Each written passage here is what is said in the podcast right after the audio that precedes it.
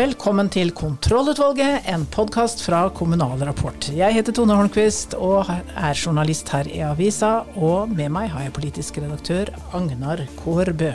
Hei, Tone. Hei sann. Vi skal snakke om eh, Fremskrittspartiets landsmøte og få besøk av eh, kommunalpolitisk talsperson Helge André Njåstad.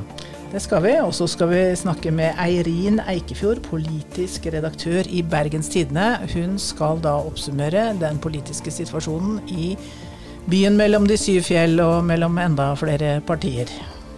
Og så sjekker vi hvordan eh, stemninga er foran årets lønnsoppgjør i kommunal sektor. Vi snakker med KS sin forhandlingsleder, og han lovet krevende oppgjør. Og det kan jeg bekrefte, det blir det. Til eventuelt stiller vi spørsmålet er det greit å slenge daue saueskrotter på trappa til statsforvalteren. Er dagsorden godkjent? Ja, det må den være. Da kjører vi i vei.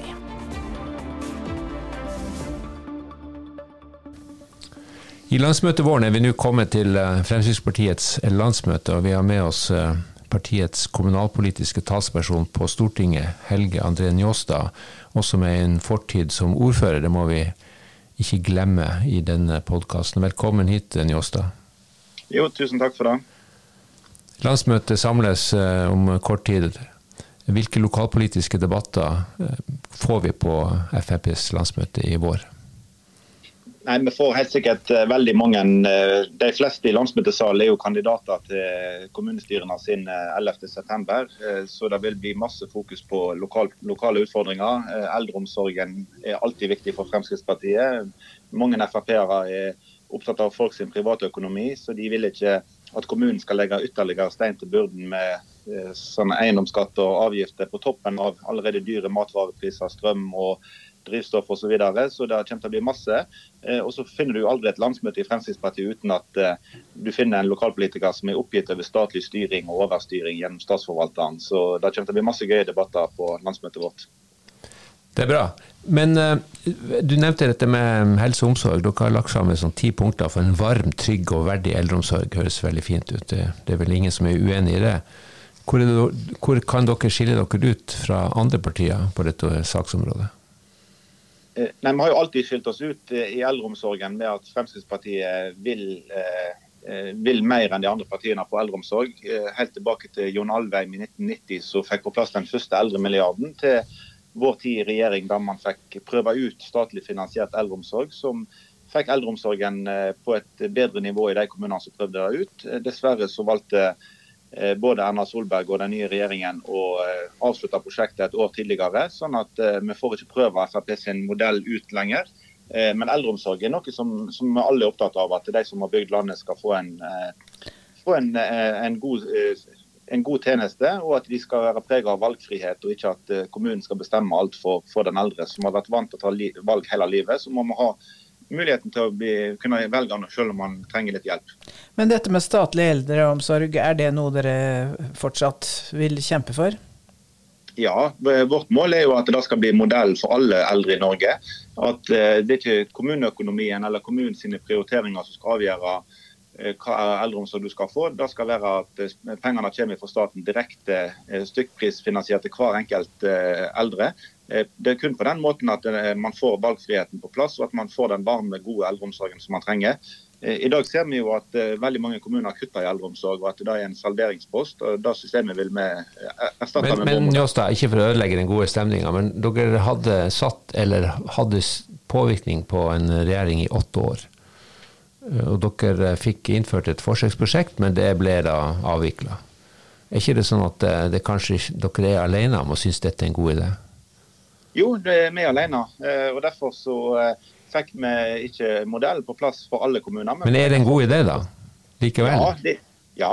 spør de eh, kommunene som har forsøkt den, så er de strålende fornøyd. Spør de eldre i de kommunene som har fått bedre tjenester, så er de fornøyd. Sånn vil vi gjøre det til alle eldre.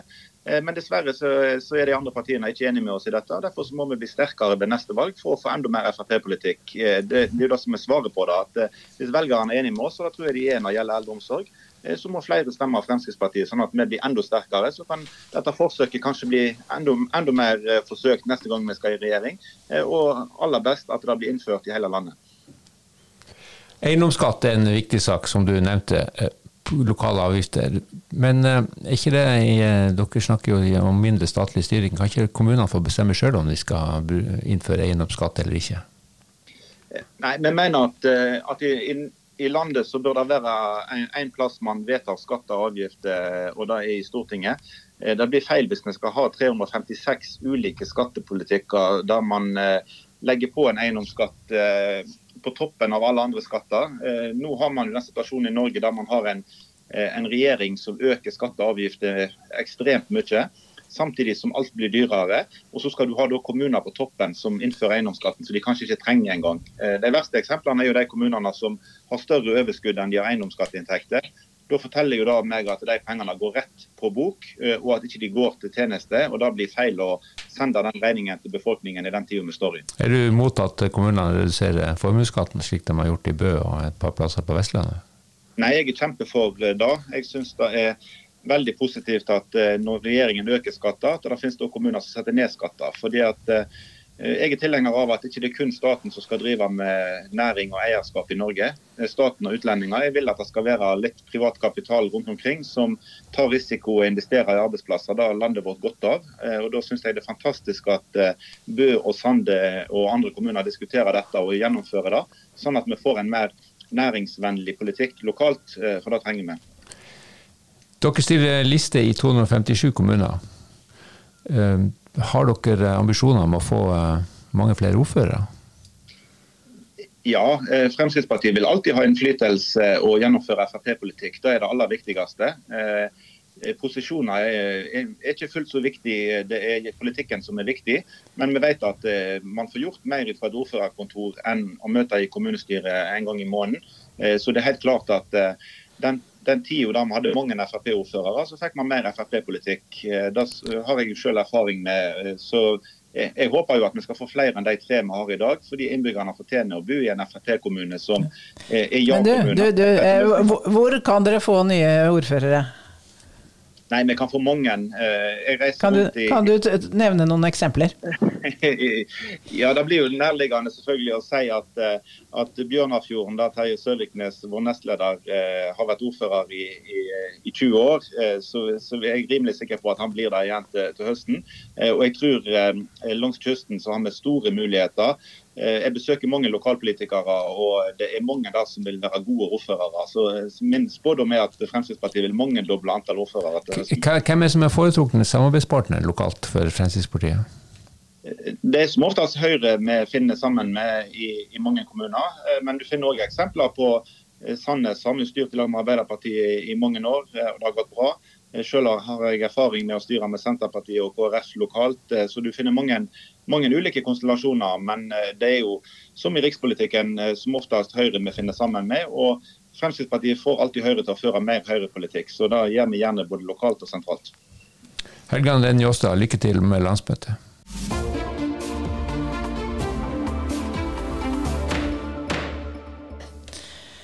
Vi skal til Bergen, Bergens Tidende og politisk redaktør Eirin Eikefjord. Velkommen til oss. Tusen takk for det. Eh, er det noe tvil om hvem som blir eh, byrådsleder i Bergen etter høstens eh, valg? Ja, Hvis jeg skal gjette, så vil jeg tro at det blir Kristine Meyer fra Høyre. Og det ser jo målingene ut til å være enig i. Dere har nettopp fått en fersk måling, kan du si litt om den? Ja, da er jo Høyre på 36,7 Eh, de har jo vært lenge høyt opp på 30-tallet i denne byen. Arbeiderpartiet 17,2, som faktisk er høyere enn de har ligget de siste månedene. Det var jo en stadig krisemåling av 15,9 med forrige. De har vært helt nede i 14,9, som er historisk lavt. Men det er jo over et år siden de har sett 20-tallet på målingene. Så det ser mørkt ut for Arbeiderpartiet i denne byen òg. Og i tillegg så har de jo mista mange politiske venner, mens Høyre nå kan danne flertall alene med Frp og Venstre så må Ap ha seks støttepartier for å få flertall i bystyret. Så det er jo ikke et byråd du ønsker deg, nødvendigvis. Men det vil, vil Høyre klare å få dette flertallet på plass uten noen store problemer? Hvis dette skulle bli resultatet? Det vil jo vise seg. Nå er jo ikke Frp og Venstre veldig glad i å samarbeide med hverandre. Men, men, det som er veldig viktig for denne byen, her, er jo at den store bybanestriden ser ut til å ha blitt rydda av veien. Fordi at Høyre har fattet et vedtak på at de ikke skal ta noen omkamp. Det vil være stemt over en reguleringsplan som tar Bybanen over Bryggen, men det er jo ikke penger til å bygge. sånn at de er tjent med å trenere hele den saken der. Og Venstre får jo en seier i å lande reguleringsplanen og har på en måte ført det vedtaket i mål. Eh, så det vil jo vise seg, selvfølgelig. Men, eh, men sånn som tallene, hvis de klarer den, den, jobben med å overtale disse, så får de jo et ganske greit flertallsbyråd å styre. Og det er jo en fordel etter alle disse årene med svake mindretallsbyråd som har gjort det krevende å lede denne byen. Men blir det færre partier i, i bystyret? Det vil vise seg. Det har jo vært historisk mange. Men nå er jo eh, Folkets parti, FNB, som gjorde et sånt brakvalg på 16,7, dette bompengepartiet, de er nærmest utradert. Eh, Trym Aafløy, som var lederen, har varslet at han dropper comeback. Og de er jo nede på 0,3% så de er jo helt uh, utradert, egentlig. Men så har du Industri- og Næringspartiet, som gjør det sterkt, eller i hvert fall gjorde det forrige måling. Så har du Bergenslisten, og begge er jo protestpartier som ikke vil ha Bybanen over Bryggen, og som tar disse omkampene. Men de er foreløpig så små at de ikke ser ut til å gjøre noen særlig trussel. Men det vil jo selvfølgelig vise seg, og det trodde vi kanskje ikke på denne tiden i fjor heller, at eh, bompengepartiet ville. Hvor ligger denne bybanesaken? Altså Riksantikvaren har nå sagt at det er greit at den går over uh, Bryggen, men er, er, det da avklart? Det er ikke avklart, eh, men innsigelsene er jo droppa. Sånn det, det, ser jo ut som at et vedtak over Bryggen blir fatta med knappest mulig flertall. Det her var jo en stor strid uh, for at altså, sånn, den høsten uh, det ble ja, nærmest byrådsavgang på det. Ja. Eh, så, så, den vil bli vedtatt. Men nå er jo det store problemet finansieringen. fordi at det er jo det er blitt stadig dyrere, og staten er litt ullen på hvor mye de har tenkt å dekke. Det var jo snakk om 70% men det er jo absolutt ikke sikkert. Statens vegvesen vil ikke prioritere dette med det første. Så hele prosjektet er jo i det blå, selv om man får vedtatt en reguleringsplan i bystyret. Hvordan ser det ut i de øvrige kommunene i Vestland fylke? Eller ligger det an til at Høyre får en storeslem i, i, langs kysten? Det vil jeg tro. Vi har ikke noen målinger på de andre kommunene. Vi har ikke hatt noen vestlandsmåling siden desember, men da lå jo Høyre godt an, godt over 30. Og alt tyder jo på at eh, Høyre får eh, gjennomslag her. Du har jo kystopprør, hele lakseskattdiskusjonen. Det er et vestlandsopprør, eh, den generelle høyrebølgen. Så jeg vil bli overraska hvis ikke Høyre gjør det bra langs kysten. Og det er jo vanligvis det Høyre gjør. Dette, det er jo en blå kyst på Vestlandet. Vil det ramme Senterpartiet eller Arbeiderpartiet hardest? Jeg tror nok Senterpartiet vil miste noen ordførere her i vest. Sånn som det ser ut eh, nasjonalt, så er det jo Arbeiderpartiet som taper mest eh, og, og, på, den velgerflukten. Eh, og de taper jo mye velgere til Høyre generelt. Men ja, det vil rett og slett vise seg. Og i fylkestinget i Vestland, hvordan blir det der? Blir det blått der òg? Ja, altså sånn Som det ser ut, som sagt så har ikke vi hatt måling der siden desember. Eh, men det er jo et blått Høyre lå sist på 31,9. Arbeiderpartiet nede på 15,4. Og eh, ellers er det jo blått, blått og blått, sånn som det pleier her best. Eh, Så det ser sånn ut. Takk skal du ha, Eirin Eikefjord i Bergen.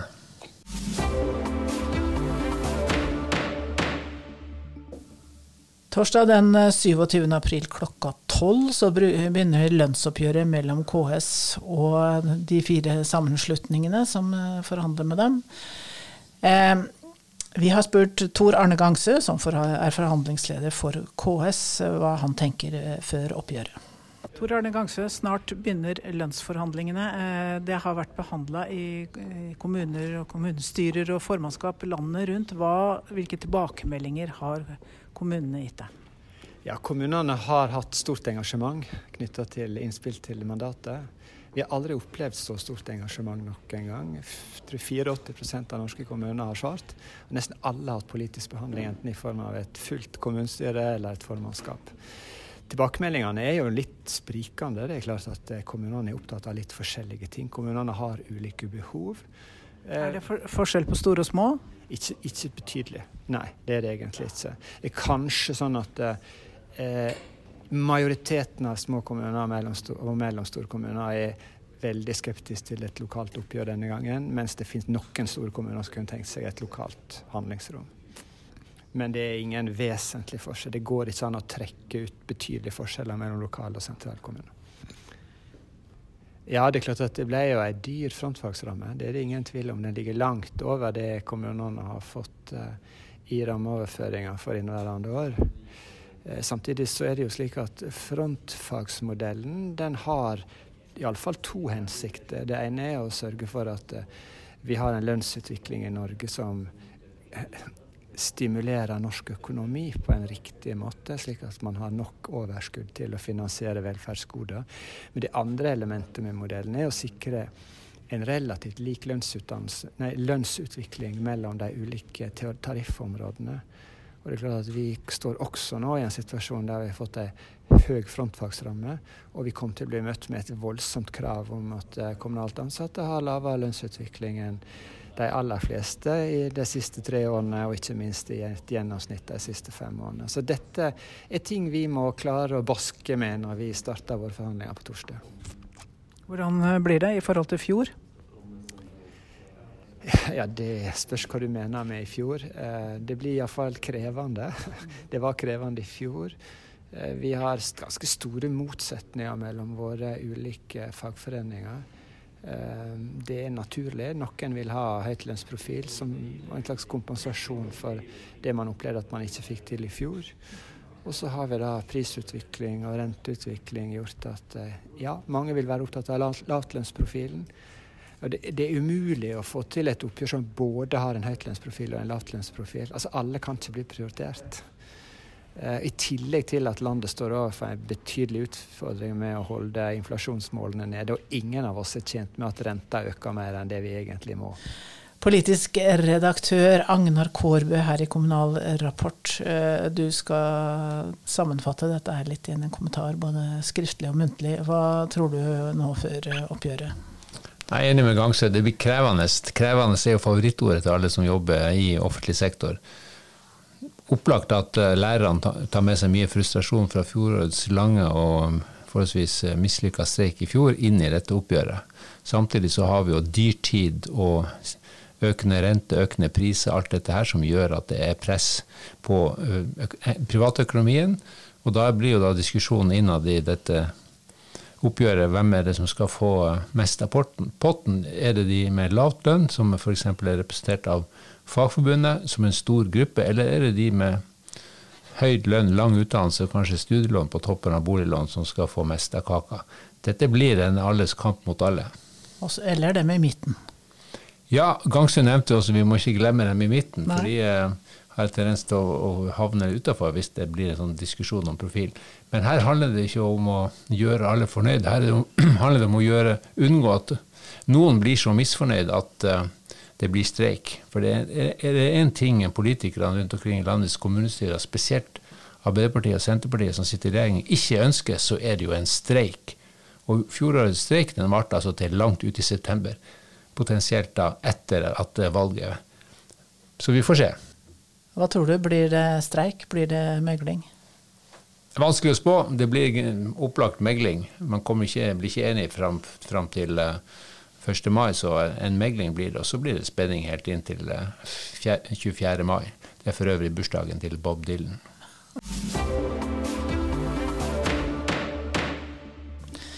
Da er vi kommet til eventuelt, og vi stiller altså spørsmålet om det er greit å slenge sauekadaver på trappa til statsforvalteren.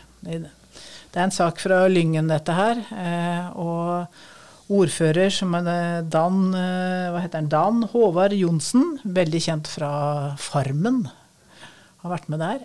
Han vil gjerne det, for han sier at avmakta er så stor at vi må gjøre noe for å bli hørt.